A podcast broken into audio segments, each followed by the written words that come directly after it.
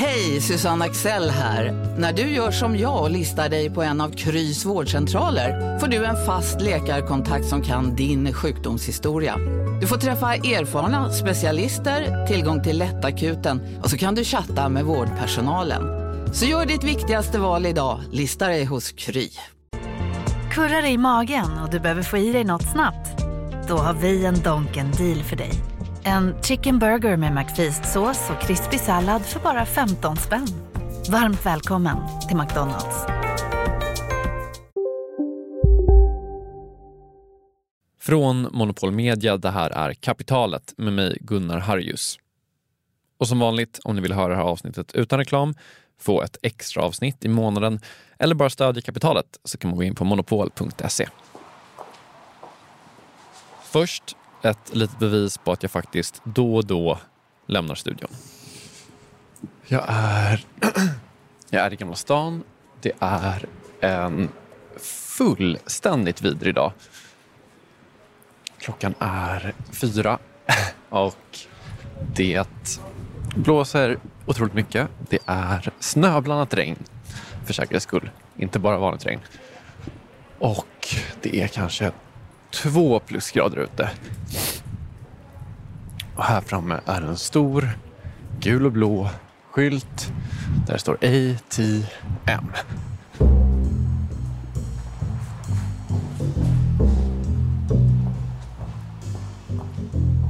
Okej, anledningen till att jag är i Gamla stan, Gamla stan i Stockholm kanske jag ska säga, eh, det är för den här ATM-skylten. För det här är den enda platsen i Stockholm, eh, som jag har hittat i alla fall, där den här typen av kontantuttagsautomat finns. I folkmun kallar man de här automaterna för bankomat. Eh, men grejen är att bankomat är ett varumärke på en viss typ av kontantuttagsautomat som det här verkligen, verkligen inte handlar om. Och det vill jag vara väldigt tydlig med. Därför säger jag kontantuttagsautomat. Hur som helst. Det här handlar om en annan typ av uttagsautomat som görs av ett europeiskt företag som heter Euronet. De gör gula och blå automater som det står ATM stort på. De finns knappt i Sverige. Jag tror att de enda som finns, finns i Gamla stan i Stockholm. Här ska det finnas två stycken. En på Gamla stans Tobak, men den verkar vara permanent stängd. Och en i Gamla stans tunnelbana. Så att jag ställer mig i Gamla stans tunnelbana för att vänta på att någon ska ta ut pengar så att den kan berätta om upplevelsen. Och anledningen till det här det är att jag pratat med Peter Faber. Han jobbar i Amsterdam. I run a company called, called Suroffice. Uh, we organize a team of sites, uh, company retreats in, in Europe and, and the US. Så i princip vad Peters företag gör det är att om du har ett bolag och känner vet du vad, jag är trött på snöblandat regn i Gamla stan. Jag vill flytta hela mitt företag två veckor till Mallorca. Eh, då kan man ringa Peter och så löser han allt. Och Det här gör då att han måste ha bra koll på till exempel då Mallorca och vart det kan vara trevligt att skicka sina kunder för att bo i två veckor. And uh, we try to do it in like more authentic locations in southern Europe. Like we try to avoid like touristic places and so. And I try to, yeah, I just notice a pattern uh, when visiting these places like uh, Canary Islands or Mallorca or Barcelona or Lisbon, that in very touristy areas there are certain shops or restaurants or amenities. Om man tänker att man jobbar med det som Peter gör eh, så kan man ju tänka sig att en ganska stor del av jobbet faktiskt går ut på att hitta bra ställen. Och att ganska mycket tid går åt till att titta på ställen som sen visar sig inte vara så bra. Turistfällor till exempel. Så det Peter försöker göra det är att på något sätt på förhand hitta ett sätt att undvika otrevliga, extremt turistiga ställen. Så han började jobba med olika Maps-program för att plotta ut olika sätt att hitta de här ställena. You see for instance in, in Spain like you have you have there always Burger King and Burger King is not so popular in other like not touristy locations. The same is with McDonald's, for instance, or the supermarket Spars. Vilket man kan känna igen sig i om man varit på en osoft plats i Europa. Då är det väl ungefär 99% sannolikhet att man är 50 meter från ett Spar eller en Burger King. But uh, but they are also in other areas, so it's not like they are they are all in the touristy places. Så där, ett problem. Hur kan man på förhand mappa ut de värsta turistfällorna i Europa? Svaret är såklart med hjälp av kontantuttagsautomater. Så vad är upp med de här automaterna efter det här?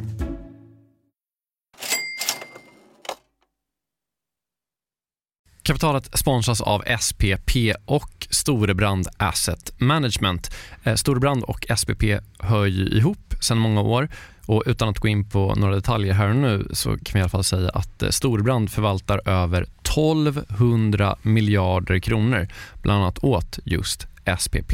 Och du har ju träffat Storebrand, Jakob, och pratat om eh, Kina Ja, eh, vi, vi pratar i alla fall om hur Kina blivit en sån otroligt viktig del i omställningen av energisystemet. Eh, över 70 procent av värdekedjorna inom vind och solkraft kontrolleras av Kina, vilket mm. är otroligt när man tänker på det. Ja. Och Det handlar om att Kina väldigt tidigt insåg att energi är makt och att man genom sol och vindkraft kan göra sig typ fri från att importera olja och gas och sånt. Then if you think that tomorrow or today's you know power base is going to in a large part be about renewables, then obviously having a stranglehold on those renewables and all the technologies that go into it is going to be part and parcel of that power play. Eh, det här är då Philip Ripman som ansvarar för Storbrand Global Solutions, eh, en fond som investerar i lösningsbolag över hela världen. Mm. Och hela det här avsnittet om Kina och geopolitiken som nu liksom är invävd i den globala omställningen, eh, den släpper vi som en bonus här i kapitalet nu i veckan. Ja, och mer information om Storbrand kommer vi få i kommande avsnitt och eh, man hittar också förstås mer om man vill ha det här och nu på storebrand.se. Vi säger stort tack till SPP och Storbrand. Tack!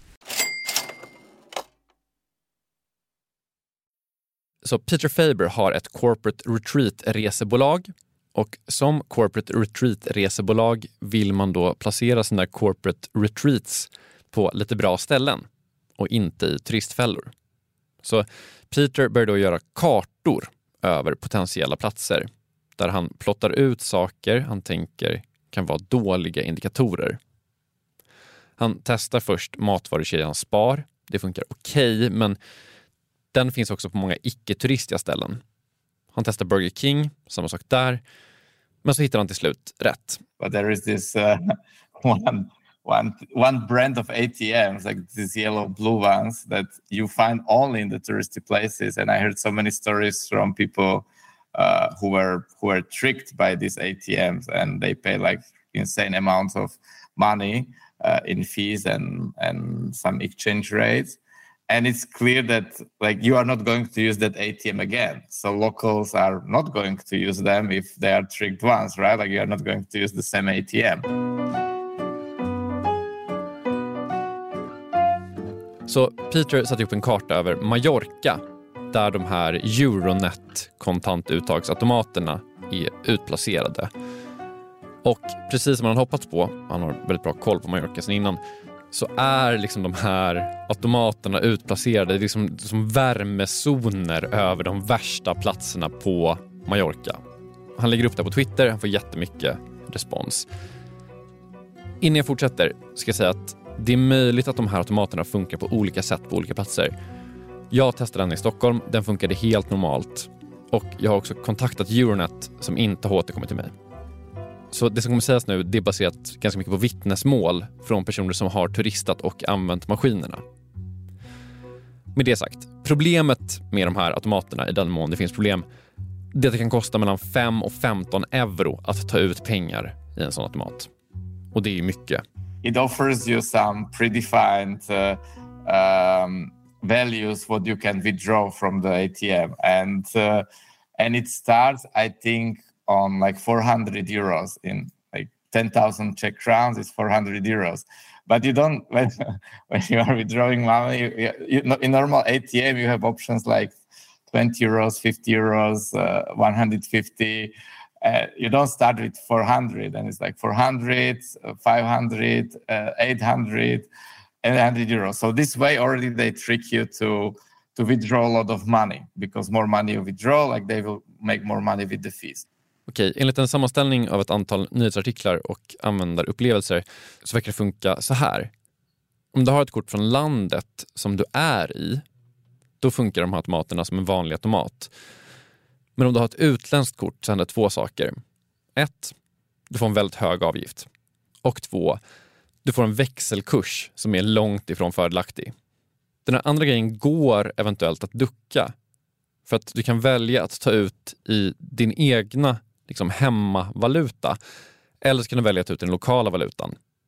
Och det är svårt att veta vad som blir bäst. Uh, that's ex- I, I believe that's legally their protection that they are like you always have a choice it's just so confusing uh, that people don't like they they make their mistakes so you can choose like in the in this conversion you can choose that you want to pay with your own cur- currency so for instance you are in um, you are in sweden and you are american and you want to pay uh, something so you can say that you want to pay with dollars, and in that case, the the conversion is going to be made with your bank account in the US. So not by not by the ATM, but it's not explained. You need to you need to know, and it's it's confusing. You see that I'm trying to explain it, and and also like when you make the choice on the next step, if you make the choice that they don't like, on the next uh, step there is another screen with a similar question to confuse you again. So it's not like very straightforward. Like you need to be very very educated and to need to have that knowledge to not uh, make a mistake. Men det geniala här, det är ju någonstans att det inte kostar att använda de här automaterna med ett lokalt kort. There were people writing me like, "Hey, I'm using them in Berlin and in my neighborhood, and they are they are cool and they don't charge me any fees. So I think that's a, that was a great strategy from from their side. Uh, and this way, like nobody's nobody sees it as a problem because only lo- only local municipality or can influence it because they give licenses to hotels or they give licenses to to place these ATMs, right? And if they don't see as a problem, then they don't have reason to regulate them or or or remove them.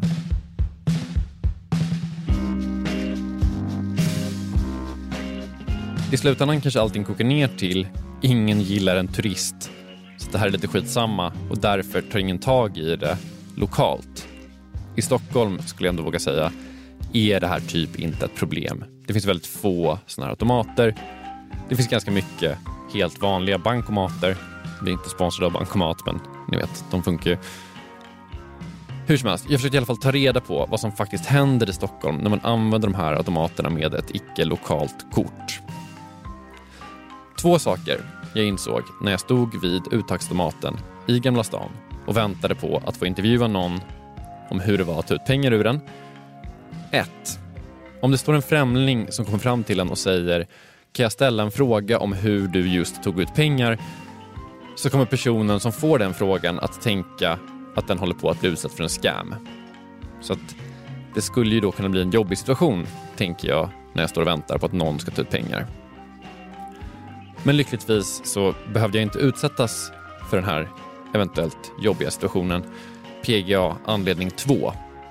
Inte ens turister verkar använda kontanter i Stockholm.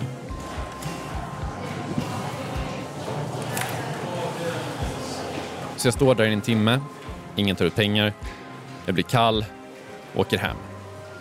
Och jag kan väl egentligen bara lämna det här avsnittet med ett konsumentråd eller två. 1. Välj alltid, alltid, alltid att betala i euro om du får valet på en bankomat utomlands, eller i euroområdet i alla fall. Välj inte kronor, för då kommer du få en dålig växelkurs. Och två, Du kan göra en egen karta över områden att undvika innan du ska åka på semester i Europa eller någon annanstans. Vill du göra den så kan du hitta Peter Faber på Twitter. Han heter @faborio. Där kan man lära sig hur man gör en egen sån här karta över en stad eller ett land. Det är faktiskt en otroligt värdefull resurs för att undvika turistfällor. Och med de två tipsen så är kapitalet slut. Jag heter Gunnar Harrius, Kristoffer Krook har mixat. Kapitalet tillbaka igen snart. Hej då!